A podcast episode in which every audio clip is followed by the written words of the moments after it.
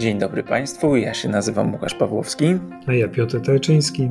I zapraszamy na kolejny odcinek podcastu amerykańskiego.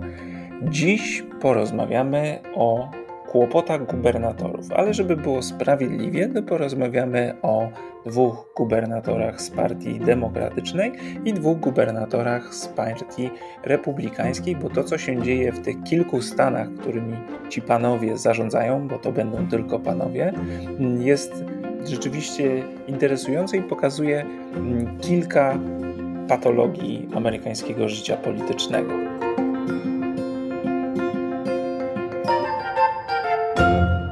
Zacznijmy od największego stanu, najludniejszego, to znaczy od Kalifornii i od kłopotach y, gubernatora demokratycznego y, Gavina Newsoma. Y, Kalifornia, no to jak wiemy, jest właściwie prawie osobne państwo, piąta gospodarka świata, większa od Indii. Ciekawa, bo to stan niegdyś solidnie republikański, stan, z którego pochodzili prezydenci Hoover, Nixon, Reagan, a teraz z kolei jest to stan solidnie demokratyczny, stan wiceprezydentki Kamali Harris. Wydawałoby się, że nic nie może zagrozić dominacji demokratów w tym stanie, a tymczasem 14 września odbywa się referendum w sprawie przyszłości urzędującego gubernatora Gavina Newsoma. To jest bardzo ciekawy przypadek, bo to jest przypadek nie tylko mm, tego, czy rzeczywiście e, Kalifornia jest takim demokratycznym stanem, jak przed chwilą Państwu powiedział Piotr, bo można powiedzieć, że Donald Trump dostał tam około 6 milionów głosów, więc to nie jest mało jak na 39-milionowy stan, ale faktycznie Kalifornia ma dwóch senatorów e, z Partii Demokratycznej, ma demokratycznego gubernatora, miała wcześniej również gubernatora demokratycznego, więc e, wydaje się, że jest bardzo progresywnym stanem, a tu nagle e, facet, który wygrał zdecydowaną większością głosów swoje pierwsze wybory w 2018, prawda? Były te wybory? Największą przewagą w historii stanu, 23 punktami procentowymi. W 2018, prawda? W 2018. Wcześniej był przez no. 8 lat wicegubernatorem, jeszcze wcześniej był burmistrzem San Francisco, no czyli taka kariera bardzo typowa w polityce. No i ten człowiek, który wydawałoby się ma zapewnioną drugą kadencję, po normalne wybory na gubernatora na drugą kadencję w przyszłym roku, wydawałoby się, że ma to w kieszeni, tymczasem y, musi nagle teraz we wrześniu liczyć się z perspektywą utraty stanowiska, dlatego że sondaże y, są bardzo wyrównane i naprawdę nie wiadomo, co się wydarzy. Ale, ale, no poczekaj, co to znaczy sondaże? Bo mm, cały ten system odwoływania gubernatora jest, proszę Państwa, tak absurdalny, że kiedy mówimy sondaże, to właściwie nie wiadomo, co mówimy. I teraz musimy wyjaśnić, jak się odwołuje gubernatora w Kalifornii. Przede wszystkim trzeba powiedzieć, że odwołuje się go bardzo łatwo.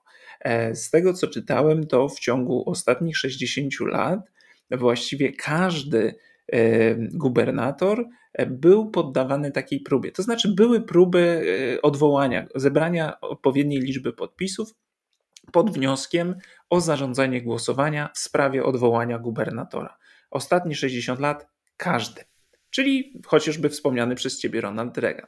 Ale do faktycznego głosowania doszło raz i wówczas rzeczywiście odwołano gubernatora. To było w 2003 roku i stąd się wziął w fotelu gubernatora Kalifornii znany nami państwu Arnold Schwarzenegger.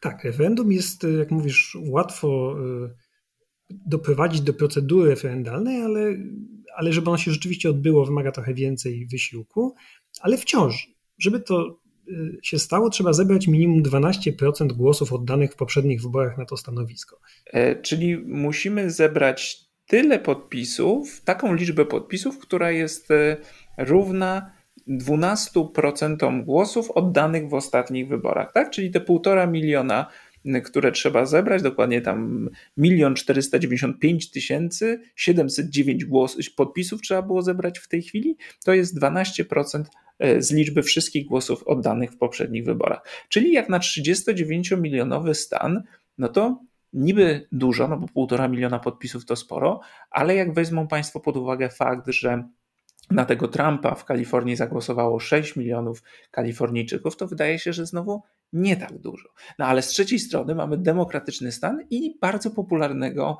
e, gubernatora, więc z, z kolei jakby z, z tej perspektywy znowu sporo podpisów. I początkowo to zbieranie podpisów szło dość ślamazarnie i opornie. No tak, bo może warto powiedzieć, jakie są tak naprawdę zarzuty wobec, e, wobec Newsoma. Co zarzucają mu jego przeciwnicy?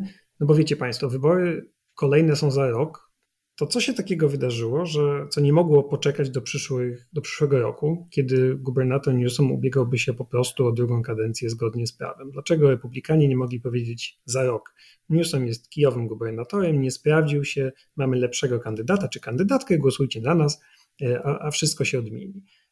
Jakie są zarzuty wobec Newsoma teraz? No więc przede wszystkim e, chodzi o pandemię.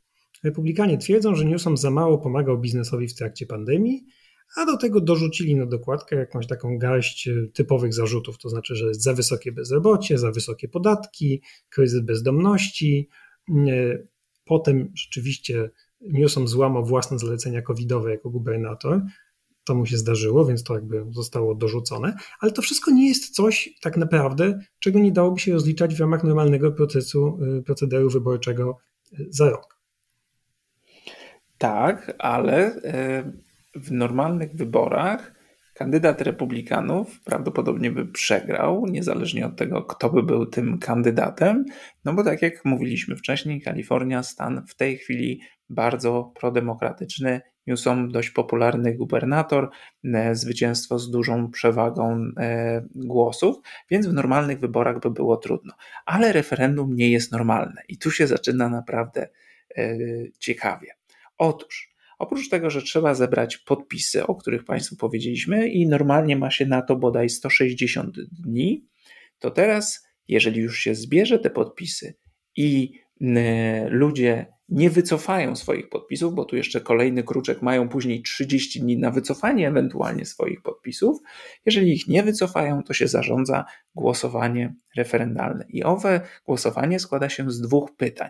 Pierwsze pytanie to jest, czy należy e, usunąć gubernatora, czy powinien zostać pozbawiony stanowiska. I tu tak, nie. I drugie pytanie jeśli e, ma, zostanie pozbawiony stanowiska, to na kogo, mój drogi wyborco, zagłosujesz? No i tu pojawia się cała lista kandydatów. W tej chwili to jest ponad 40 osób, bo wejść na tą listę kandydatów jest relatywnie łatwo. Trzeba wpłacić e, trzeba 4000 dolarów wpisowego lub zebrać kilka tysięcy podpisów, a 7 tysięcy podpisów to naprawdę nie jest dużo. I tak jest nieźle, bo w tych wyborach w 2003 roku, kiedy wygrał Schwarzenegger, kandydatów było 130, ponad 130. Więc wiesz, te 46, bo tak jak sprawdzałem, to jest teraz obecna liczba, to i tak jest stosunkowo niewiele.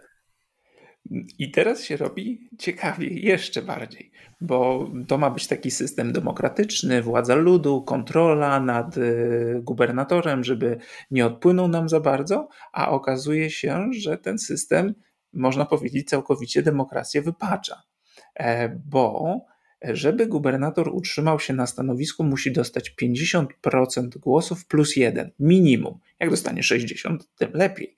Ale jeśli dostanie mniej niż 50% głosów, nawet 49,9, to zostaje odwołany, a my przychodzimy do pytania drugiego, o którym wspomniałem, czyli kogo, drogi obywatelu, wybierasz. No i jak się ma ten 40 kilku kandydatów, to ludzie tam e, głosują. No i ten, kto wygra wśród tej grupy kandydatów, zostaje nowym gubernatorem. Ale ów zwycięzca nie musi dostać 50% głosów. Wystarczy, że dostanie największą liczbę głosów. A więc, jeżeli dostanie 15% kandydat i będzie to więcej niż wszyscy inni kandydaci poniżej, to zostaje gubernatorem. A więc, żeby gubernator urzędujący mógł się obronić, musi zdobyć 50% głosów plus jeden co najmniej, a jeżeli mu się to nie uda, to gubernatorem może zostać ktoś, kto dostanie 10, 15, 20% spośród tych ludzi, którzy oddali głos na swojego konkurencyjnego kandydata. No absurd kompletny. Znaczy może mieć nawet jednocyfrowy wynik. Też wyobrażam sobie taką tak. sytuację, w której ten ktoś ma 9%, a i tak zostaje gubernatorem. No i teraz pytanie, jak to jest w ogóle możliwe, że w stanie, w którym demokratów jest dwa razy więcej niż republikanów, bo takie są mniej więcej statystyki w Kalifornii, e, kandydatem, znaczy nowym gubernatorem może zostać republikanin. No wszystko sprowadza się tak naprawdę do mobilizacji. Jeśli demokraci zostaną w domu, bo im się nie będzie chciało ruszyć do urn albo wysłać głosu pocztowo, albo będą kręcić nosem, że ten Newsom wcale nie jest taki fajny, bo nie jest taki progresywny, jak by sobie tego marzyli i tak dalej. No, no bo pewnie nie jest, aczkolwiek y, Newsom ma na koncie kilka niezłych osiągnięć. To znaczy rzeczywiście na przykład wypracował nadwyżkę budżetową, wydał 12 miliardów na walkę z bezdomnością, y, całkiem nieźle walczył z pandemią w czasie tej pierwszej fali, wyjąwszy to swoje potknięcie ze złamaniem własnych zasad covidowych.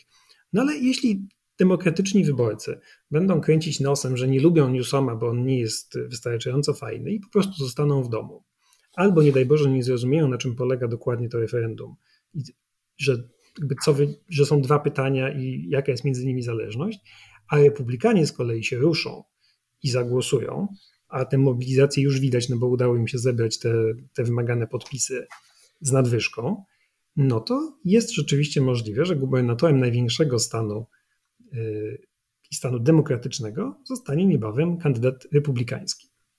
No wiesz, tu dochodzi jeszcze jedna y, co najmniej ważna przyczyna. Jeżeli odwołujesz kandydata demokratycznego, no to trudno, żeby inni demokraci stawali do tego wyścigu.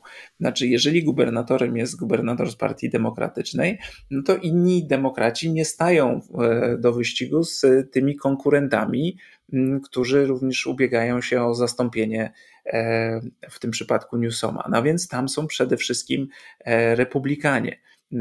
I w związku z tym, no to jeżeli już Newsoma się odwoła, to właśnie republikanin ma największą szansę, żeby e, zwyciężyć i będzie to zwycięstwo niewielką, nie musi być wysoką liczbą głosów. Ja tu jeszcze znalazłem, że Arnold Schwarzenegger, jak zostawał tym gubernatorem, to dostał 48% głosów, 48,6, czyli nieźle, ale to i tak mniej niż e, musi dostać gubernator, żeby się utrzymać na stanowisku. Wiesz, no, to się wszystko sprowadzi do frekwencji. Jeśli na przykład do urn pójdzie, dajmy na to 5% wyborców, ale ponad połowa z nich zdecyduje, że Newsom powinien zostać odwołany, no to Newsom straci stanowisko.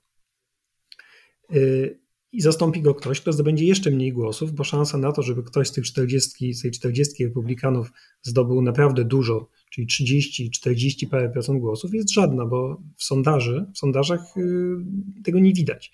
To znaczy, tam liderzy tego, tego wyścigu po stronie republikańskiej mają chyba w porywach 20 parę procent głosów maksymalnie. Y, no i... Jest ich bardzo dużo. Właściwie może powinniśmy powiedzieć, kto ubiega się o stanowisko ze strony Partii Republikańskiej. Nie będziemy Państwu mówić o tej całej 40 oczywiście, bo ona jest nieistotna, ale powiedzmy przynajmniej o kilkorgu osobach. Zaraz powiemy. Y, jeszcze jedno bym tylko dodał, wiesz, bo mówiłeś o tym potknięciu Newsoma w, w sprawie przestrzegania swoich własnych zasad y, covidowych i to jest y, rzeczywiście ciekawa sytuacja, która pokazuje Państwu, ile może kosztować Was jedna kolacja.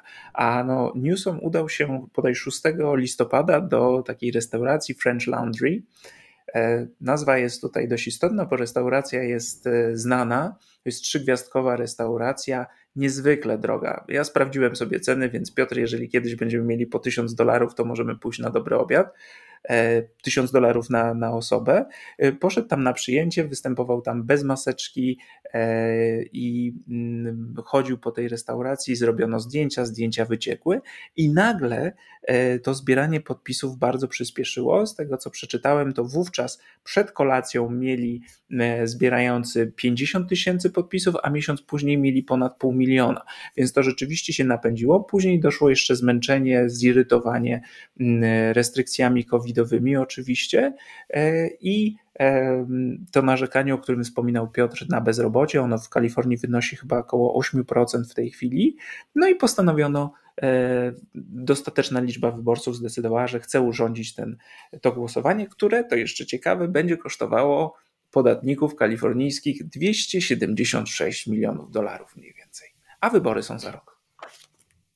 Wiesz, do tego dochodzi jeszcze to, że głosowanie przeciw komuś w sytuacji, w której jesteś po prostu niezadowolony z sytuacji y, za oknem, choćby z powodu pandemii, znacznie, znacznie prościej jest zmobilizować ludzi do głosowania przeciw. Czy jesteś niezadowolony z tego, co się dzieje w Kalifornii? Nieważne, czy to jest kwestia y, zależna od Newsoma lub niezależna, ten sposób łatwo pokazać swoje niezadowolenie i pokazać środkowy palec systemowi. Na to też jakby grają republikanie i stąd też, jak sądzę, ta łatwość w zbieraniu podpisów za odwołaniem Newsoma. I jeszcze w tym miejscu nasi słuchacze mogliby zadać e, dobre pytanie, no skoro masz tak popularnego gubernatora i masz e, demokratyczny stan, no to dlaczego on nie walczył? Dlaczego nie powstrzymał całego tego zbierania podpisów i dlaczego nie ukręcił sprawie głowy w zarodku? Dlaczego nie, nie potrafił się tych ludzi, mm, tych, tych zbierających podpisy po prostu jakoś pozbyć, no w tym sensie oddalić to zagrożenie? No bo Newsom traktował bardzo długo całe to perspektywę referendum jako coś mało istotnego, coś, co łatwo zbagatelizować. Tak jak mówisz, każdy gubernator Kalifornii mierzy się z czymś takim na, w swojej karierze, więc uznał, że to jest po prostu jego czas. Na pewno nie uda im się zebrać podpisów, nie ma co tego legitymizować i przydawać im jakieś no, w ogóle zainteresowania mediów, a później było już za późno, kiedy zebrali odpowiednią liczbę podpisów. Natomiast rzeczywiście strategia Newsoma na temat tego, jak walczyć z tym referendum, y, jest różna na pierwszym etapie, początkowym etapie i obecnie. To znaczy, najpierw on cały czas próbował to bagatelizować. Y, w ogóle nie idźcie na wybory. To była jakby jego, jego próba załatwienia tego problemu. Ale kiedy okazało się, że rzeczywiście może przegrać, no to Newsom obecnie zaleca iść na referendum, głosować w pierwszym pytaniu na oczywiście nie, jesteś przeciw odwołaniu gubernatora, a drugie pytanie ominąć w ogóle dlatego że na tej liście, jak zauważyłeś, kandydatów y, nie ma właściwie nikogo z, z demokratów. To znaczy, na pewno nie ma jego wicegubernatorki. Jest tam jakiś demokrata, y, specjalista od y, jakiś youtuber, z tego co sprawdzałem. No ale nie jest to, jak sądzę, ktoś, kogo, kogo Newsom widziałby w swoim fotelu. No tak, ale jeszcze y, warto dodać, że w całej tej procedurze bardzo pomógł sędzia, który pozwolił, czyli wyrok sądu, y, który pozwolił zbierającym podpisy na czteromiesięczne przedłużenie tego całego okresu i dzięki temu udało im się te podpisy zebrać. Oczywiście ze względu na pandemię sędzia uznał, że nie mogli normalnie zbierać podpisów, więc czteromiesięczne przedłużenie dostali. No i prawdopodobnie skończy się, czy może się skończyć na tym, że facet, który ma więcej pieniędzy na tę kampanię, który jest popularny, który wygrał zdecydowanie, będzie się musiał żegnać ze stanowiskiem. No i teraz co się z tym wiąże, jeżeli republikanie ostatecznie zwyciężą? Mieliśmy powiedzieć o tych kandydatach. Oni są, e, po pierwsze, no nie są demokratami. To jest najważniejsze. I może się okazać, że ci wszyscy demokraci z Kalifornii postępowi liberalni y, obudzą się nagle w stanie rządzonym przez kogoś o poglądach zbliżonych raczej do Trumpa niż do urzędującego gubernatora. Y, wśród tej czterdziestki kandydatów są tacy zwykli republikanie, mainstreamowi powiedzmy, jak na przykład John Cox, czyli osoba, którą Newsom pokonał w 2018, y, albo Kevin Falconer, były burmistrz San Diego, kiedyś taki republikanin starego typu, umiarkowany, centrowy, ale oni się już bardzo strampizowali, tak jak patrzyłem. To znaczy, oni już y, kiedyś nie popierali Trumpa, teraz już popierają. Y, kiedyś byli tacy bardziej zdroworozsądkowi, popierali na przykład równość małżeńską jak Falconer, teraz już nie do końca. Jakby wiedzą, gdzie jest partia i wiedzą, czy, y, jaki elektorat muszą zmobilizować. Więc oni są już, jakby to są republikanie dawnego typu, ale bardzo strampizowani. Natomiast w sondażach prowadzi no, osobowość radiowa. Tak, która nie jest, jest nie tyle strampizowana, co jest kolejnym wcieleniem Trumpa i jak gdyby mm, no, postacią, która na, na Trumpie się, się wzoruje i proponuje między innymi zniesienie mm, wszelkich ograniczeń czy kolejnych ograniczeń co do posiadania broni. E, jest krytyka Newsoma za zniesienie czy zawieszenie kary śmierci, więc to również przywrócono by na pewno w Kalifornii. E, myślę, że jakiekolwiek z inicjatywy związane z walką z ociepleniem, ze zmianami klimatycznymi, no oczywiście to wszystko ląduje w koszu, co w Kalifornii jest o tyle istotne, że co roku ten stan mierzy się z ogromnymi pożarami I to jest już właściwie standard w tej chwili, więc jeżeli nic nie będzie robione, to będzie tylko i wyłącznie gorzej. A tutaj takie typowe, standardowe, Trumpowe mm, postulaty e, w programie się znalazły. Oczywiście imigranci, jeszcze e, nielegalni imigranci.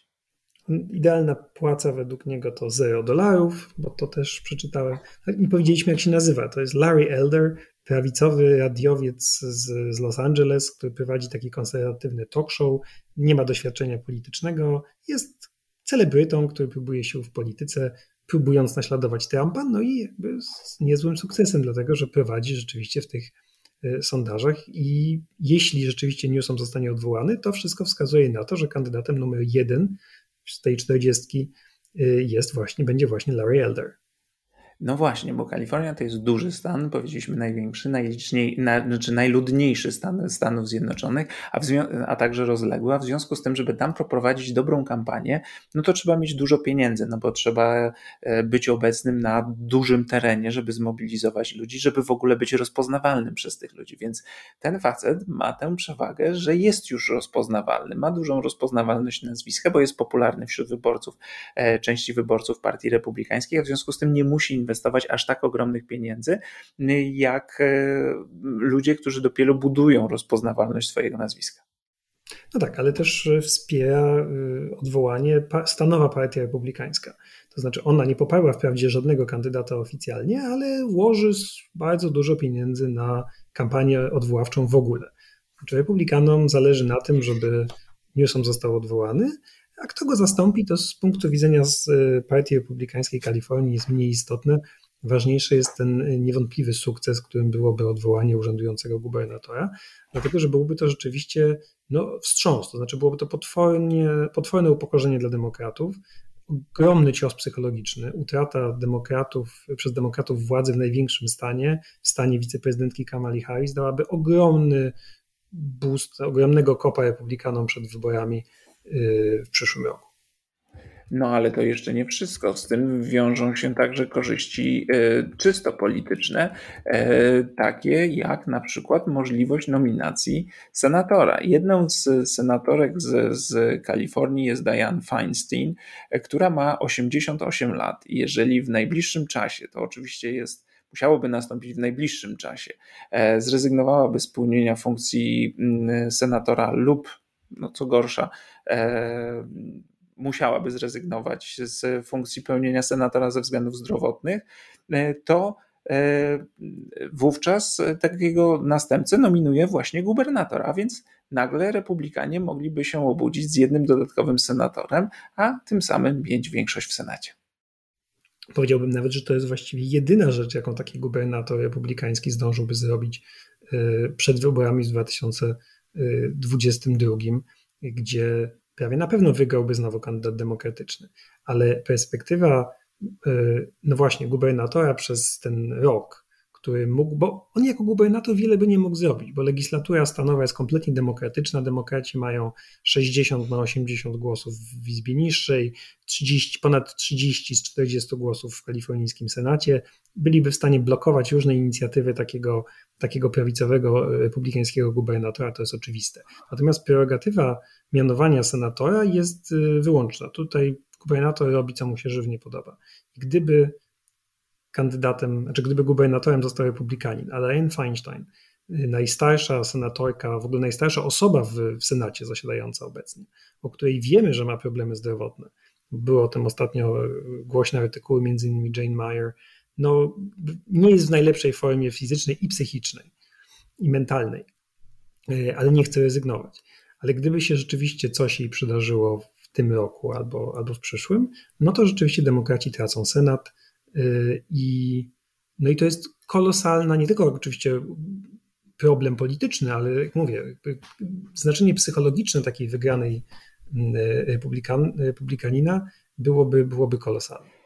Y, nie powiedzieliśmy kiedy, dowiemy się wszystkiego 14 września, bo wtedy odbywa się do głosowanie, więc y, tego dnia czy w, w dniach następnych dowiemy się, czy Newsom zachował stanowisko, czy jednak będzie się musiał z nim pożegnać. No więc e, to, to jest sytuacja kompletnie absurdalna. To znaczy, natychmiast po tym, jak e, ta sprawa zostanie rozstrzygnięta, niezależnie od tego, czy Newsom wygra, czy przegra, jeżeli demokraci odzyskają pełnię władzy w Kalifornii, powinni natychmiast postarać się zmienić te zasady, bo one są e, no, nie do utrzymania. Mają państwo około rok do wyborów, wydają Amerykanie czy Kalifornia ćwierć miliarda dolarów na odwołanie gubernatora bez żadnych konkretnych zarzutów, to znaczy on się po prostu nie podoba, źle zarządzał pandemią, ale nie jest tak, że złapano go za rękę na jakimś przestępstwie czy nadużyciach władzy, po prostu się części wyborcom nie podoba. Choć zaznaczmy, że on po prostu realizuje swój program, z którym szedł do wyborów i go wygrał. Może się tylko nie podobać sposób zarządzania pandemią, ale no to takie zarzuty można sformułować wobec wielu przywódców na całym świecie, a tu wystarczy do tego, wystarczyło to do tego, żeby zarządzić jego odwołanie. To po pierwsze, e, nie ma tych e, konkretnych zarzutów, a po drugie, e, no, chodzi o to, że można odwołać, że to jest y, do, do, do głębi niedemokratyczne. To znaczy, człowiek, który broni swojego stanowiska, musi uzyskać znacznie, znacznie większe poparcie niż ci, którzy go próbują z tego stanowiska, którzy próbują go na tym miejscu zastąpić. Tak, no to jest prawo, które mm, y, przepisy o tych referendach zostały wprowadzone w Konstytucji Kalifornii w 1911 roku, 110 lat temu, z inicjatywy y, progresistów, z inicjatywy ruchu progresywnego. To miało być rzeczywiście takie narzędzie kontroli demokratycznej nad, nad, nad władzą, ale wydaje się, że ta idea została wypaczona i Newsom już rzeczywiście zapowiada, że jeśli y, przetrwa to głosowanie, to spróbuje wprowadzić zmiany w prawie referendalnym, które utrudnią takie referenda na przyszłość, przy czym one będą obowiązywały dopiero od jakby kolejnego gubernatora, żeby się nie nazywało, że on to robi pod, na swoją korzyść. To ma być y, coś, co ułatwi rządzenie przyszłym gubernatorom, nieważne czy demokratom, czy republikanom. A jeżeli już mówiliśmy o tym sposobie zarządzania pandemią, no to jedna z miar sukcesu to jest liczba śmierci na 100 tysięcy mieszkańców. W tym, pod tym, w tym przypadku Kalifornia jest w drugiej połowie e, Stanów amerykańskich. Mam tu dane z trzeciego, e, wrze- znaczy na 3 września, to jest 167 osób w przypadku Kalifornii na 100 tysięcy mieszkańców, znacznie lepiej niż w innym stanie, do którego przechodzimy, czyli do Florydy. Tam jest tych e, śmierci 205.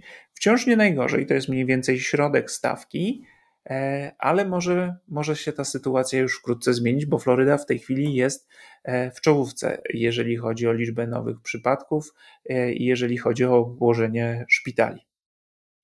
Tak, rzeczywiście. W ogóle czwarta fala pandemii uderza głównie na południu. Jak się popatrzy na mapę, no to tam widać najwięcej zachorowań. Y, na południu, które jest y, konserwatywne, y, rządzone przez republikanów, gdzie szczepień jest najmniej. To jest jedna z przyczyn.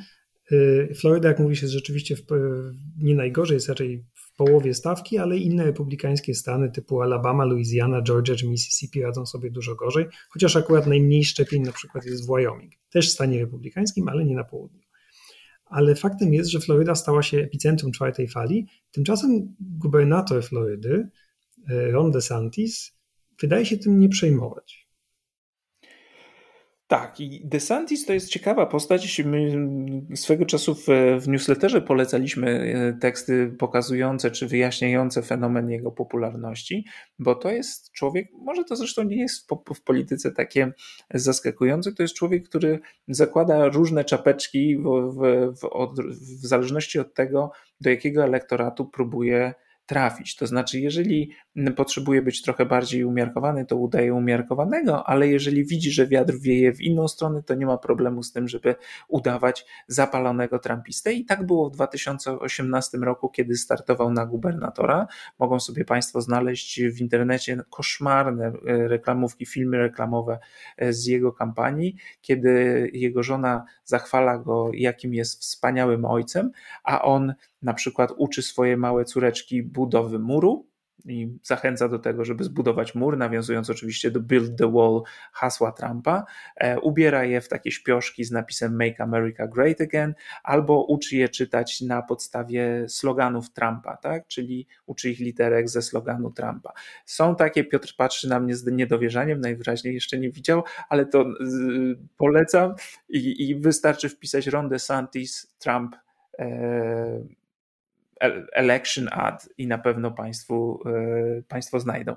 Więc wtedy był trumpistą do, do potęgi Endej, chociaż do kongresu, gdzie zaczynał taką większą karierę e, polityczną, wszedł w 2012 roku jako na fali takiego buntu Tea Party, i, czyli buntu przeciwko mm, zbyt rozbudowanym świadczeniom e, rządowym, czy zbyt rozbudowanej ingerencji rządu w życie obywateli, na fali takiego libertariańskiego e, podejścia do polityki, od którego Trump w pewnych miejscach e, zdecydowanie odchodził. No ale właśnie to libertariańskie podejście do, do polityki teraz daje o sobie znać, dlatego że generalnie hasło, pod którym Ron DeSantis walczy, lub jak chcą inni, nie walczy z pandemią, no to jest takie, ludzie sami wiedzą najlepiej, ludzie powinni sami decydować, co jest dla nich najlepsze, nikt nie będzie im mówił, co mają robić yy, i tak dalej. Ludzie sami wiedzą najlepiej. No tak, ale to jest oczywiście, wtedy mówisz, ludzie sami wiedzą najlepiej, kiedy jest ci to wygodne. Bo jeżeli jesteś w pełni libertarianinem, no to powinieneś na przykład dać wolną rękę biznesom e, i firmom, jak powinny postępować, albo lokalnym społecznościom. A tutaj już DeSantis nie ma problemu z tym, żeby sprawować władzę centralną i ingerować w decyzje lokalnych społeczności lub lokalnych firm. I kiedy na przykład firmy zajmujące się organizacją rejsów po, po, po Karaibach zaczęły wymagać od swoich pasażerów dowodu zaszczepienia, to DeSantis y, zakazał im tego, żeby to robić. E, dopiero decyzja sądu, decyzją sądu takie prawo firmy mają. Czyli masz człowieku firmę, chcesz wpuszczać tylko ludzi e, zaszczepionych na statek pasażerski, gubernator, libertariański gubernator ci tego zakazuje. Podobnie jak zakazuje e, na przykład szkołom lokalnym wprowadzać, czy lokalnym przedsiębiorstwom wprowadzać nakaz noszenia maseczek i to również jest kolejny kontrowersyjny punkt, w którym się e, w którym mamy konflikt między lokalnymi społecznościami a, a gubernatorem. Tak, one idą wtedy do sądu i sądy rzeczywiście ostatnio orzekają przeciwko gubernatorowi. To znaczy mówią mu, nie, te oto biznesy lub szkoły mają prawo decydować same, co jest dla nich najlepsze i nie można karać szkół na przykład za wprowadzenie nakazów maseczek szkół czy uniwersytetów. Yy, tak, bo on nawet ich straszył, że odbierze im yy, stanowe jakieś dofinansowanie za wprowadzanie obowiązków noszenia maseczek. To dotyczyło oczywiście szkół. Albo nakazu szczepienia, tak? okazywania paszportu covidowego. Więc to jest taki libertarianizm, jak mówisz, ale właśnie z wyboru. Partia republikańska jest rzekomo partią osobistego wyboru, partią osobistej wolności, ale, ale do, do czasu. A oczywiście, dlaczego to DeSantis robi? To jest w sumie najciekawsze. Dlatego, że większość Amerykanów, ale też większość mieszkańców Florydy jest za szczepieniami, jest za noszeniem maseczek. Ba, sam DeSantis jest zaszczepiony, przypominam. E, ale DeSantis ma ambicje prezydenckie. E, jak zresztą Gavin Newsom, o którym mówiliśmy wcześniej. Ale e, Ron DeSantis jest rzeczywiście jedynym republikańskim politykiem, który na tym CIPAC-u, czyli tej konferencji konserwatystów, y, która się odbywała na Florydzie ostatnio, y, który zdobył jakieś poparcie jako potencjalny kandydat na prezydenta. Większość uczestników Ostatnio tej... znaczy w lutym. Tak, to znaczy większość republikanów powiedziała, że uważa, że to Donald Trump powinien być kandydatem w 2024, ale kandydatem drugiego wyboru y, był właśnie Ron DeSantis. No i DeSantis po pierwsze ma w przyszłym roku y, kolejne wybory, walczy o reelekcję, o drugą kadencję w fotelu gubernatora, więc to jest dla niego istotne, a w perspektywie ma ubieganie się o y, nominację republikańską na prezydenta. No i walczy, tak jak mówimy, czy problem z walką w prawyborach jest zawsze ten sam. Zabiega się o tych najbardziej zdeterminowanych, o tych najbardziej zaangażowanych politycznie, o tę mniejszość, która jednak decyduje o w prawyborach znacznie bardziej niż ogół elektoratu. No i Ron DeSantis nie chce się narażać e, przeciwnikom szczepień, e, gra tą kartą wolności, e, dlatego że jak Państwo pewnie wiecie, kwestia noszenia maseczek czy szczepień w Stanach stała się kwestią no, kolejnym tematem wojen kulturowych. No i Ron DeSantis uznał, że bardziej mu się po prostu opłaca politycznie nie narażać się tej grupie, która jest sceptyczna, eufemistycznie rzecz ujmując, wobec noszenia maseczek i szczepień. Ale to jest mądrość etapu. To znaczy, w tej chwili mu się to opłaca, bo jeżeli e, będzie potrzebny zwrot w kierunku centrum, to DeSantis na pewno go wykona, bo Floryda to jest stan, w którym e, w ostatnie wybory gubernatorskie DeSantis wygrał, ale w odróżnieniu od Newsoma, o którym mówiliśmy wcześniej, wygrał je minimalnie. O 0,4 e, punktu procentowego, dostał 49,6% głosów, jego konkurent z Partii Demokratycznej 49,2%, więc te różnice były absolutnie minimalne. Jakiś czas trwało w ogóle liczenie głosów i, ten para, i to jest właśnie ten paradoks, o którym mówi Piotr, że w tym momencie najważniejsi są dla DeSantisa ci najbardziej zdeterminowani, zdeterminowani wyborcy, bo oni rzeczywiście głosują w prawyborach, ale oni mają też inną ważną cechę, oni wysyłają pieniądze. E, I e, ostatnie dane e, dotyczące zbiórki pieniędzy u DeSantisa pokazują, że on jest dość popularny.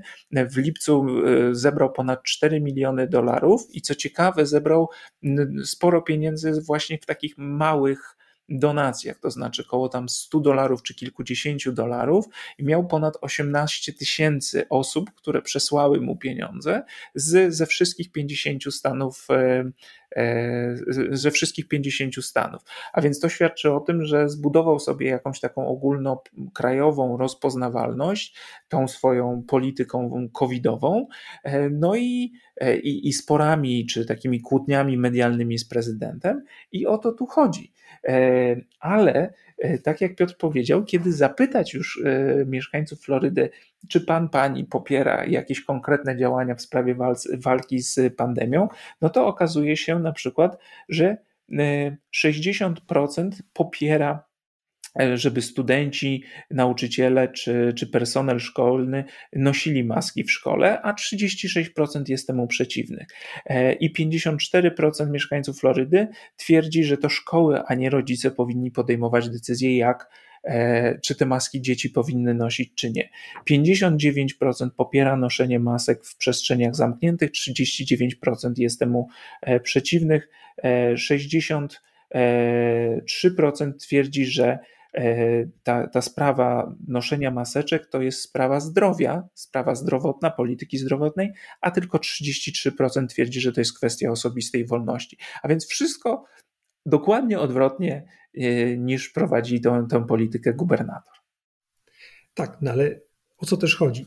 Chodzi o to, że DeSantis celowo idzie na konfrontację z Bidenem, właśnie dlatego, że to się podoba bazie Partii Republikańskiej. W związku z tym y, prowokuje, mam wrażenie, Bidena swoim zachowaniem, swoją retoryką, mówieniem na przykład o tym, żeby rząd federalny nie wtrącał się w sprawy Florydy.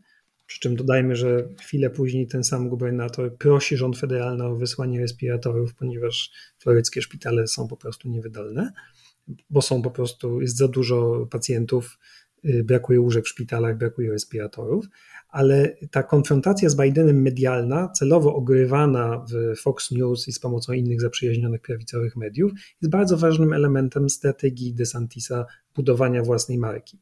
To znaczy, y, Biden dał się sprowokować.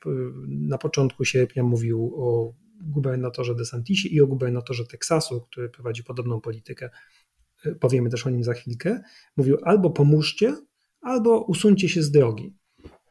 I to oczywiście była woda na młyn dla DeSantisa, który może się przedstawiać jako osoba, która, która jest na tyle odważna, że walczy z, z, z dyktatorem Bidenem, w dodatku dodajmy nielegalnym prezydentem, y, jak chce baza Trumpowa. Y, I idzie na taką narrację. Prawdziwym zagrożeniem jest y, ograniczanie osobistej wolności, cancel culture wobec osób, które po prostu podejmują decyzje samodzielnie i tak dalej, i tak dalej. Walka z doktorem Fauci, który na prawicy stał się wrogiem numer jeden i z którym jakby jest ulubionym celem wszystkich e, prawicowych polityków i prawicowych komentatorów medialnych. DeSantis tu ukłon w stronę jego zaradności biznesowej, nawet uruchomił taką na swojej stronie internetowej, sprzedawał różnego rodzaju gadżety z takim napisem Don't Fauci my Florida, czyli żebyście mi nie fałczowali mojej Florydy, e, czyli żebyście nie stosowali się do zaleceń e, doktora Antoniego Fauci. Możecie, jeżeli Państwo mają ochotę, to koszulki, jakieś e, kubeczki, nakładki na kubeczki, czapeczki, to wszystko można kupić i wesprzeć gubernatora Florydy. No i to nie jest tak, bo DeSantis jest w tym wszystkim najsprytniejszy, najbardziej rozpoznawalny, ale nie jest jedyny. To znaczy, nie będziemy Państwu mówić o wszystkich gubernatorach, ale ja bym jeszcze powiedział o Teksasie i jeszcze zahaczył y, o Dakotę Południową, jeśli pozwolisz troszkę wykonał no, ukłon w stronę Pozwolę, północy. ale y, też y, jeszcze na zakończenie oczywiście zaznaczmy, że DeSantis jest jak większość tych republikańskich gubernatorów, człowiekiem z ludu, absolwentem Harvarda i Yale. I, ja trafiłem też na artykuły z 2019 roku, przeglądałem e, tuż po jego zwycięstwie w tych wyborach e, gubernatorskich i, i wcześniejsze opinie o nim, to, to on był uznawany za jednego z takich, e, z takich postaci, która może pokazać partii republikańskiej inną drogę, jakoś wyprowadzić ich z tego załuka Trumpowego jeszcze jakiś czas temu. No finale te, te nadzieje się powoli rozpływają i chyba najlepiej oddaje tę, tę postać e, DeSantisa, e, rysunek w Ekonomiście, przy, w, w tygodniku The Economist przy okazji omawiającego e, DeSantisa artykułu, gdzie on miał takie różne peruki i nakładał je w zależności od tego, co mu pasowała. Była tam peruka Trumpa, ale były też peruki innych postaci partii republikańskiej typu Reagan czy typu, typu Bush, w zależności od tego, co pasuje, bo on jeszcze jakiś czas temu był takim typowym, wolnorynkowym, republikaninem, który z, wcale z Trumpem by nie był utożsamiany, ale jak przyszła zmiana wiatrów, to zmienił się także DeSantis. Ale dobrze, nie on jeden. Teksas. Nie on jeden. Tak, nie on jeden. To teraz Teksas. Teksasie to tylko trochę, bo do tematu Teksasu będziemy musieli wrócić w, w, którymś e, przyszłym odcinku, dlatego że w Teksasie właśnie uchwalono najbardziej restrykcyjne, czy weszło w życie jedno z najbardziej, najbardziej restrykcyjne prawa antyaborcyjne w całych Stanach. I myślę, że to jest temat, któremu powinniśmy, którym powinniśmy się zająć bardziej. Ale y, Teksas jest drugim największym stanem w, po Kalifornii. I oczywiście gubernator, tylko że tak jak Kalifornia jest jednoznacznie uważana za stan jednoznacznie demokratycznym, tak Teksas jest stanem zdecydowanie republikańskim. I tam oczywiście republikanie rządzą niepodzielnie. I tamtejszy gubernator, Greg Abbott, to jest taki trochę DeSantis, ta sama ścieżka, tylko trochę mniej e, sprawnie mam wrażenie. To znaczy, facet też ma ambicje prezydenckie, też ubiega się o reelekcję w przyszłym roku i też gra kartą Y, osobista, nie ograniczajcie nam osobistej wolności. Y, mieszkańcy mojego stanu sami doskonale wiedzą, jak powinni się bronić, jak powinni się chronić przed pandemią, i właściwie gorsze jest to ograniczanie wolności niż COVID, z którym nauczyliśmy się żyć. Nie jest to może poziom gubernatora Mississippi, który też oczywiście jest y, sceptyczny wobec regulacji doktora Fauci i regulacji federalnych, ale gubernator Mississippi najbiedniejszego zresztą stanu w kraju, powiedział, że w jego stanie y, ludzie mniej się boją wirusa, bo oni wierzą w życie wieczne. Jakby to jest jego odpowiedź na to, jak Mississippi radzi sobie z, z koronawirusem. Dodajmy zresztą, że radzi sobie kiepsko, bo nie ma pieniędzy na opiekę zdrowotną, ma najmniej lekarzy i najmniej pielęgniarek per capita. Ale, ale Teksas jest, jakby, jest jak Floryda, to znaczy yy, podobna strategia, ale trochę, trochę gorzej realizowana, mam wrażenie. Ty powiedziałeś, że, że Abbott przypomina DeSantisa. No w pewnym, pod pewnymi względami tak, jeżeli chodzi o, o, ten, o tę komunikację i ostatnio radykalizację. Ale z drugiej strony to nie jest ktoś tak mm, wyrazisty, wydaje mi się, e, i taki skłonny do, do gwiazdorzenia w mediach, prawda? Bo DeSantis był na przykład regularnie gościem prawicowych mediów, w których bronił Trumpa. Natomiast Abbott, e, wydaje mi się, że, że takiego taniego telewizyjnego publicity unika. Na przykład DeSantis za, za, zasłynął, pamiętasz, tym, jak podpisywał jedną z ustaw regulującą mm, kodeks wyborczy, przeciwko której protestowali e, demokraci, bo uznawali, że ona ogranicza dostęp do wyborów i utrudnia głosowanie, a DeSantis po, po, po podpisał ją na zamkniętym spotkaniu, na które zostało wpuszczone tylko jedno medium i była to stacja Fox News. Za zamkniętymi drzwiami z obecnością jednej telewizji, a jak bodaj jedna z reprezentantek stanowych próbowała się dostać na to spotkanie, żeby zobaczyć, jak ta ustawa jest podpisywana, to została aresztowana przez e, straż. E, więc e, to był prawdziwy medialny show i tu DeSantis umie zagrać na, tych, na tym, co, co, co lewą stronę czy partię demokratyczną irytuje. Natomiast Abbott jest pewnie mniej medialny, a na pewno mniej rozpoznawalny niż e, jego poprzednicy na fotelu gubernatora, jak George W. Bush czy, czy Rick Perry, którzy także startowali na prezydenta George W. Bush z powodzeniem, ale ostatnio także bardzo się radykalizuje i e, nie dość, że to prawo restrykcyjne prawo antyaborcyjne, to zmiany w kodeksie wyborczym, przeciwko którym bardzo protestują demokraci. I tam była taka sytuacja, w której członkowie e, Zgromadzenia Stanowego w Teksasie z Partii Demokratycznej uciekli do Waszyngtonu, polecieli do Waszyngtonu po to, żeby zerwać kworum e, i żeby nie mogła się odbyć sesja, na której przegłosowano by te zmiany w prawie wyborczym, a więc uciekli do, do Waszyngtonu i wówczas Abbott groził im, że jeżeli nie pojawią się na sesji, to będzie wysyłał za nimi listy gończe, będzie ich starał się aresztować i przyciągnąć z powrotem do Teksasu. No ale ostatecznie nic z tego nie wyszło, bo y, demokraci wrócili, ustawa została przegłosowana, no ale udało się zwrócić na nią uwagę. To rzeczywiście był właściwie jedyny chyba skutek, y, skutek tego, tego postępowania demokratów. Y, Abbott jeszcze gra bardziej niż DeSantis, mam wrażenie, kartą antyimigracyjną, co jest o tyle łatwiejsze, no, że jego stan graniczy z Meksykiem. Mówiliśmy w w poprzednim odcinku przez chwilę o tym, że republikanie próbują łączyć kwestię koronawirusa z migracją. To znaczy, że partia demokratyczna i prezydent Biden wpuszczają nielegalnych imigrantów, czy w ogóle migrantów, a oni nam przynoszą koronawirusa. To nie jesteśmy my za to odpowiedzialni, my, władze stanowe, czy my, nasi wyborcy, tylko, bo my przecież wiemy najlepiej, lud wie najlepiej, tylko to go przynoszą nielegalni imigranci i przypadku Abota jest taka narracja, że to ci Meksykanie i mieszkańcy Ameryki Środkowej przechodzący przez granicę przynoszą Teksańczykom, y, tym rozsądnym Teksańczykom przynoszą koronawirusa. Y, oczywiście DeSantis robi to podobnie, chociaż y, trochę trudniej przekonać ludzi, że ci nielegalni imigranci trafiają przez tę granicę południową Stanów Zjednoczonych, trafiają akurat do Kalifornii, trafiają akurat, przepraszam, na Florydę, która nie graniczy z Meksykiem. No ale jakby w tej narracji prawicowej to, to działa całkiem nieźle. No, DeSantis mówił bezpośrednio do Bidena, żeby się nie będzie słuchał żadnych pouczeń ze strony prezydenta, dopóki prezydent nie naprawi tej południowej granicy, bo to właśnie tam e, jest e, źródło problemu. A więc to jest też ciekawa, ciekawe spojrzenie na, na cały problem, że, że to nie, że problemem nie są nasze wewnętrzne regulacje, brak noszenia maseczek, czy zbyt wczesne otwieranie e, gospodarki w czasie pandemii, to nie ma żadnego znaczenia.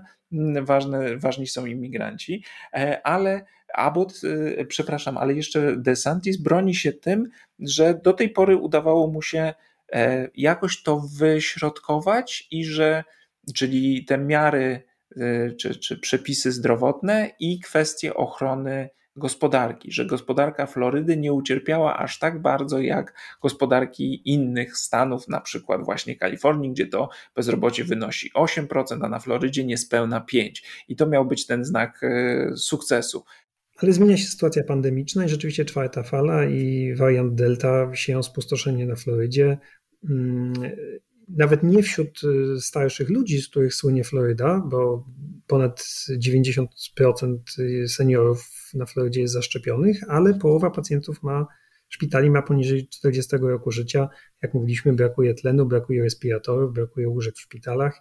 Mm, I rzeczywiście notowania DeSantisa ostatnio zaczynają spadać, bo jak mówisz, większość ludzi jednak y, chce aktywniejszej walki z pandemią, a nie tej narracji poradzimy sobie sami. Prawdziwym zagrożeniem jest ograniczenie osobistej wolności. Ale ta perspektywa wyborów w 2024 jest jednak dla DeSantisa, tak samo jak dla Bota, bardzo istotna. Tak samo jak dla, tu jeszcze powiedziałbym parę słów o Christy Noem z Dakoty Północnej, y, Południowej, gubernatorki tego stanu, która też ma ambicje prezydenckie i która robi to samo mniej więcej co DeSantis i co Abbott. To znaczy, niech nam się rząd nie wtrąca, sami sobie poradzimy, to emigranci przynoszą COVID, chociaż znowu pytanie, czy przynoszą go aż do Dakoty Południowej. No ale rzeczywiście Dakota miała, y, południowa miała fatalne wskaźniki pandemiczne, a równocześnie gubernator Noem otwiera wielki rajd motocyklowy, z którego słynie Dakota Południowa, na którym było w tym roku pół miliona ludzi. Dla porównania cały jej stan ma 800 y, tysięcy, gdzie przyjechała, otwierała go, była konno, machała wielką flagą Stanów Zjednoczonych i atakowała doktora Fauciego. Nie jest to pewnie dobra polityka zwalczania pandemii, natomiast jest to znakomita polityka, mm, jak zabłysnąć przed prawyborami republikańskimi w 2024. No ona też była jedną z tych gwiazd e, tego zjazdu konserwatystów w Orlando, o którym wspominałeś e, wcześniej, prawda? Tak, oczywiście. Była chyba numerem 3, to znaczy ulubionym kandydatem republikanów pozostaje Donald Trump, numerem 2 jest Ron DeSantis, a numerem 3 Christy Noem. Więc y, Pamiętajcie Państwo, słuchając o tym, co robią republikańscy gubernatorzy, zawsze warto się zastanowić, czy przypadkiem nie zamierzają kandydować na prezydenta w następnych wyborach. No to teraz przechodzimy do stanu ostatniego, który mamy na dziś. Jeżeli chodzi o liczbę zgonów na 100 tysięcy mieszkańców, zdecydowanie najwyżej. To jest pewien paradoks. Najwyżej z tych, o których mówiliśmy, bo to jest 279 osób na 100 tysięcy mieszkańców. To jest pewien paradoks, bo gubernator tego stanu był przez wiele, wiele miesięcy uznawany za taką twarz kompetentnego zarządzania pandemią i dawał e, wielu Amerykanom poczucie tego, że ktoś jednak e, może nie tyle panuje nad wszystkim, ale jest tam, gdzie powinien, e, słucha porad ekspertów i komunikuje e, to, jak wygląda sytuacja. Mowa oczywiście o gubernatorze e, Nowego Jorku Andrew Cuomo. To jest gubernator, czy był gubernator, zaraz powiemy dlaczego był. E, był gubernator, który odbywał właśnie trzecią kadencję. Gubernatorem z stanu Nowy Jork był także jego ojciec. To jest dość potężna politycznie rodzina w, w stanie Nowy Jork. Sam Cuomo był przez jakiś czas żonaty z córką Roberta Kennedy'ego, a więc był także mocno tak politycznie e, e, usadowiony w Nowym Jorku. Robert Kennedy był senatorem ze stanu Nowy Jork przez jakiś czas, był bratem prezydenta Johna Kennedy'ego i prokuratorem generalnym w jego administracji, sam kandydatem na prezydenta, więc wydawało się, że e, Andrew Cuomo jest takim politykiem właściwie nie do ruszenia niezwykle popularny. Wydał książkę, która e, okazała się, książkę o tym, jak przewodzić w takich sytuacjach kryzysowych. E, uznawany był za takiego e, człowieka, który radzi sobie z tą pandemią i pociesza i, i, i, wskazuje kierunek rozwoju sytuacji, i nawet pojawiały się takie głosy, że mógłby być demokratycznym kandydatem na prezydenta. I co? I już go nie ma na stanowisku. Tak, on był przedstawiany w kontraście z jednej strony do Donalda Trumpa, jego chaotycznej walki z pandemią rządową. Ale i Bidena, nie? No wtedy jeszcze nie było Bidena, ale wydawało się, że mógł być lepszym kandydatem niż Joe Biden. Były takie głosy, że ta frakcja centrowa zamiast stawiać na Bidena powinna zmusić Cuomo do startu. A z drugiej strony też był przeciwstawiany temu nieszczęsnemu burmistrzowi Nowego Jorku, Billowi de Blasio. To też Nowojorczycy krytykowali de Blasio, że sobie nie radzi, ale tutaj jest gubernator Cuomo, tak fantastycznie nam przewodzący i faktycznie w kwietniu 2020 popularność Cuomo y, była na poziomie prawie 80%. Bardzo, bardzo miał dobre notowania.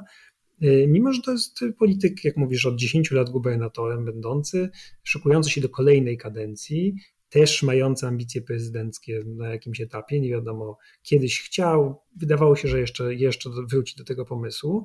Nielubiany wprawdzie przez progresistów, bo on w kolejnych swoich wyborach, w których startował, lewa frakcja Partii Demokratycznej próbowała go zajść właśnie od lewej strony, ale bez sukcesu. Wydawało się, że Cuomo rządzi Nowym Jorkiem niepodzielnie. Jeśli tylko chce, to następną kadencję ma w kieszeni. No ale właśnie, co się stało? No najpierw e, pojawiły się problemy z liczbą zgonów w domach opieki i z polityką e, wobec tych domów opieki, wobec chorych w tych domach opieki. Okazało się, że mm, władze mogły ukrywać nawet 50% zgonów, tak zaniżyć tą liczbę zgonów w domach opieki. E, no i pojawiły się zarzuty, że zostało to zrobione celowo, że minimalizowano problem i nie pasowało to do tej wielkiej narracji sukcesu i wielkiego przywódcy, mm, jakim próbował być Cuomo. I to była taka pierwsza bomba, która wybuchła i zarysowała ten wizerunek e, gubernatora Nowego Jorku. To nie chodziło tylko o ukrywanie, ale dlatego, że y, ci ludzie, nadliczbowe zgony w ośrodkach opieki dla seniorów, dlatego, że ci ludzie byli przyjmowani do tych domów na podstawie rozporządzenia gubernatora z początku pandemii, który mówił, że w sytuacji przeciążenia szpitali nie wolno dyskryminować i przyjmować do tych domów opieki także osoby z zdiagnozowanym COVID-em. No i to sprawiło, że w tych y, domach pełnych ludzi chorych i starszych COVID szalał i rzeczywiście zmarło no znacznie tak. więcej ludzi niż, niż mogłoby. Tak mówią jedni, inni mówią, że to nie był decydujący czynnik, ale faktem jest, że zamiast y, jakoś, kiedy ta sprawa wyszła na jaw, zamiast to jakoś spróbować wyjaśnić, to administracja spróbowała po prostu, schowała nie, niewygodne dane i udawała, że nie ma problemu. I kiedy się to okazało, że tak jak mówisz, że administracja coś ukrywa, no to ta wizja doskonałej walki z pandemią, a przynajmniej bardzo dobrej, legła w gruzach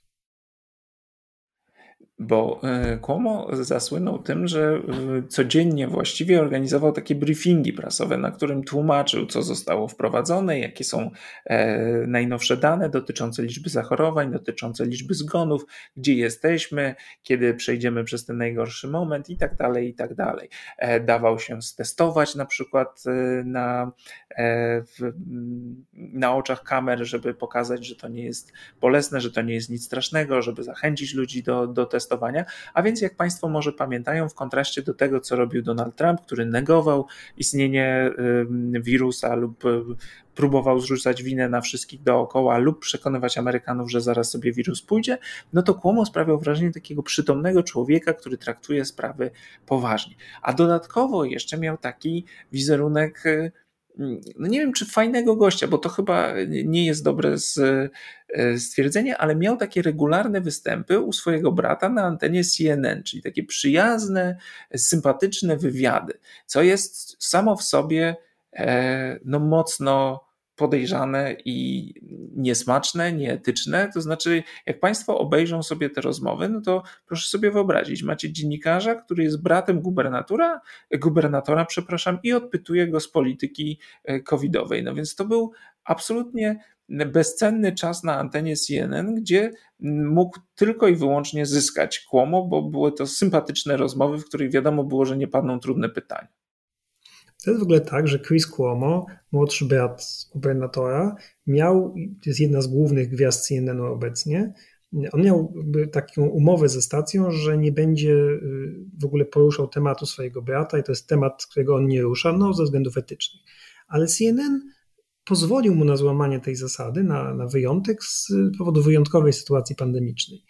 Mm, no i rzeczywiście te pogadanki, pogaduszki między braćmi stały się normalnym elementem programu CNN, co pomagało zarówno Chrisowi Cuomo, bo rosła oglądalność jego programu, jak i pomagało gubernatorowi, no bo sprawiało sympatyczne wrażenie, przynajmniej osoby trzymającej wszystko w ryzach, ale zarazem jakoś tam ludzkiej ale to nie były normalne rozmowy, w którym padają normalne pytania od dziennikarza do gubernatora. To były takie pogaduszki dwóch braci. Oni nie, nie ukrywali swojej, swoich relacji i tego, jakie mają do, do siebie stosunek. Były jakieś nawiązania, powiem mamie albo nie powiem mamie o czymś i tak dalej. Więc to było absurdalne. Nie wiem, dlaczego to robiono. Na pewno pomagało to przez pewien czas gubernatorowi. No dlatego, że pomagało to też oglądalności CNN i szef CNN ewidentnie uznał, że to jest dobre dla stacji, tak jak zresztą kiedyś uznał, że pokazywanie Trumpa na okrągło jest dobre dla CNN-u. Konsekwencje tego doskonale znamy.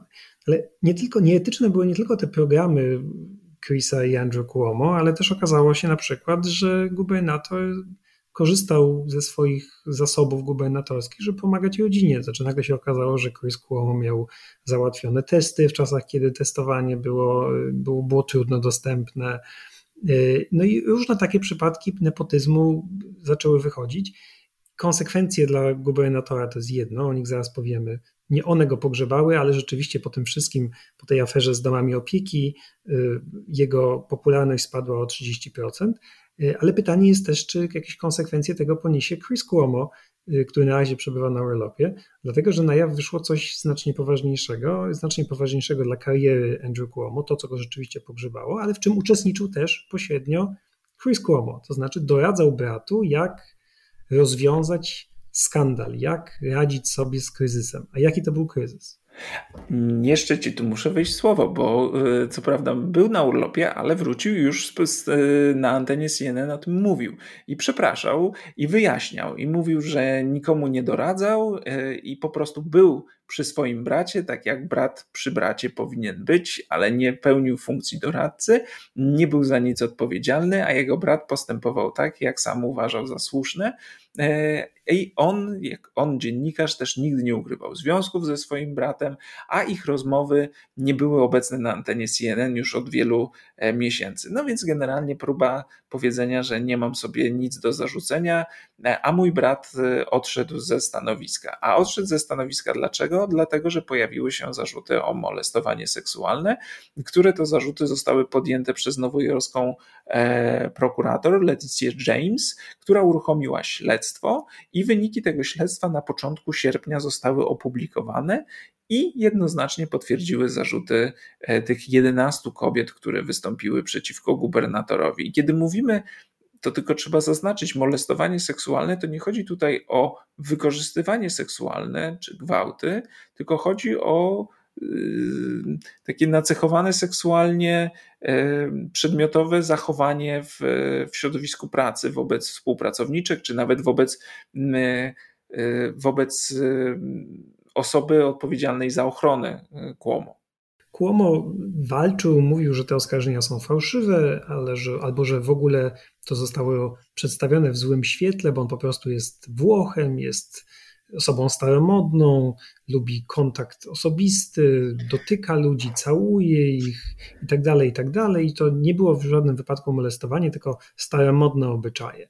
Ale kiedy rzeczywiście ten raport Letitia James został opublikowany, mm, no to wydawało się, że by jeszcze Cuomo próbował walczyć, ale odwróciła się od niego partia i to właściwie okazało się kluczowe. To tak. znaczy senatorowie z jego stanu wezwali do jego ustąpienia.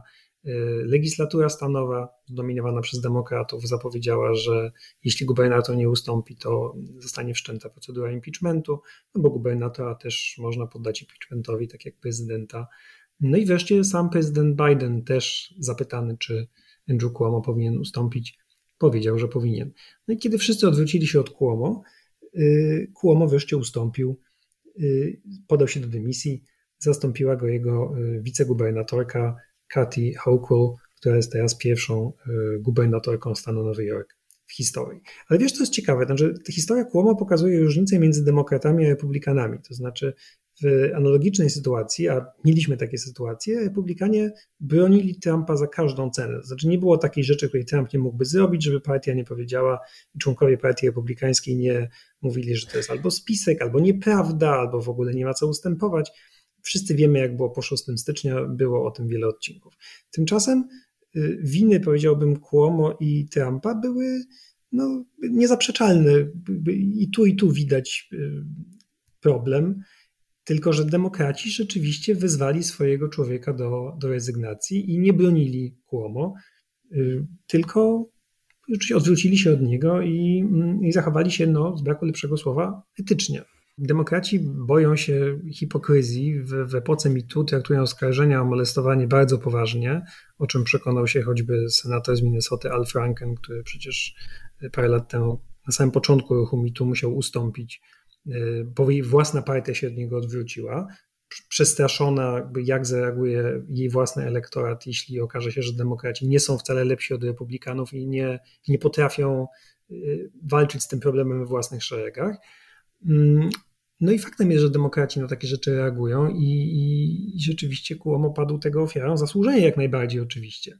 Natomiast y, kiedy mówisz, że wszyscyśmy wiedzieli i nikt z tym nic nie robił, to ten przypadek Chrisa Cuomo też o tym pokazuje. Znaczy, kiedy wszyscy wiemy, że prawica jest y, pełna hipokrytów, wszyscy wiemy, co się dzieje w Fox News, ta granica między dziennikarstwem a polityką jest kompletnie zaburzona w Fox News, a czasem w ogóle nie istnieje.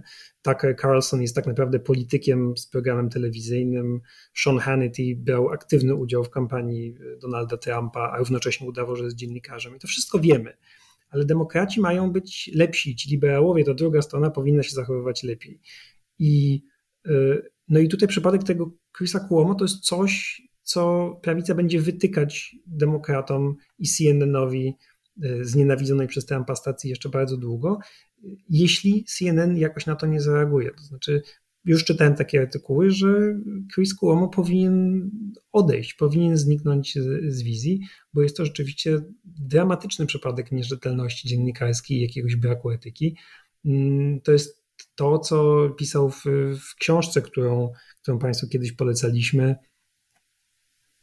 Taibi, Matt Taibi e, w książce Nienawiść spółka ZO. Tam żeśmy narzekali na jego symetryzowanie, teraz trochę sami zaczynamy symetryzować, ale, e, ale chcemy pokazać, że jedna partia twierdzi, że ma lepsze standardy i musi się tych standardów trzymać. Pod pewnymi względami się ich trzyma, czego dowodem to, że Cuomo ostatecznie został e, usunięty i że partia zdecydowanie na takie sygnały reaguje i zdanie, e, swoje zdanie, swoją opinię wypowiada jednoznacznie i prezydent, i e, najważniejsi politycy tej partii, ale pod pewnymi względami, czy partia, czy szeroko rozumiane środowisko tej partii, czy bliższe środowi- e, partii demokratycznej środowisko, no, no, tych standardów wciąż nie spełnia. I ten przypadek Cuomo jest jednak dla mnie uderzający, bo szczególnie właśnie jak słuchałem tego podcastu pod Save America po E, odejściu kłomu, w którym jakbyś go słuchał, no to wydaje się, że to była prawda oczywista. Wszyscy o tym wiedzieli. Facet był trzy kadencje prawie e, gubernatorem i jakoś nikt nie miał problemu. Dopiero kiedy stracił władzę, to okazało się, że był kim był e, wobec swoich współpracowników. No, jest to co najmniej zastanawiające. To prawda. Przynajmniej jedyny pozytyw z tego jest taki, że Nowy Jork ma wreszcie pierwszą kobietę na stanowisku gubernatora, która zapowiedziała, że będzie ubiegać się o reelekcję w przyszłym roku na pełną kadencję. No i zważywszy na to, że Nowy Jork jest stanem jednak e, demokratycznym, jak to się zwykło mówić, prawie na pewno ma wygraną w, w kieszeni. Wiesz, jeszcze jedna lekcja z tego kłomu płynie dla mnie. Gdzieś w jednym z artykułów, które czytałem, przygotowując się do, do odcinka, że jego opisano tak, że to był facet, który miał ogromne ciągoty autorytarne, e, lubił mieć pełnię władzy, lubił mieć kontrolę i ta sytuacja pandemiczna pozwoliła mu rozwinąć skrzydła i jak gdyby ujawnić te swoje cechy, bo zyskał specjalne uprawnienia do walki z pandemią. E, no i, i, i co jest zaskakujące i ciekawe, to że właśnie w tych sytuacjach ludziom się to podoba i myślimy zawsze, że to się podoba tylko i wyłącznie zwolennikom prawicy, a okazuje się, że nawet w liberalnym stanie, takim jak Nowy Jork, ludzie lubili mieć kogoś silnego, kto podejmuje decyzje i nie ogląda się na innych. I te cechy, które ostatecznie doprowadziły do jego upadku, przez te kilka miesięcy, to właśnie po części dzięki tym cechom był tak popularny. No to co? E, tym moim krótkim monologiem z, kończymy w takim razie dzisiejszy e, odcinek. Bardzo serdecznie Państwu dziękujemy. Polecamy śledzić losy e, czterech gubernatorów. Najbliższy, e, którego losy się rozstrzygną, to będzie Gavin Newsom już 14 września, a my wracamy do Państwa dokładnie 11 września w 20. rocznicę zamachów na World Trade Center, więc łatwo się domyślić, czemu będzie poświęcony następny odcinek. Do usłyszenia. Do usłyszenia.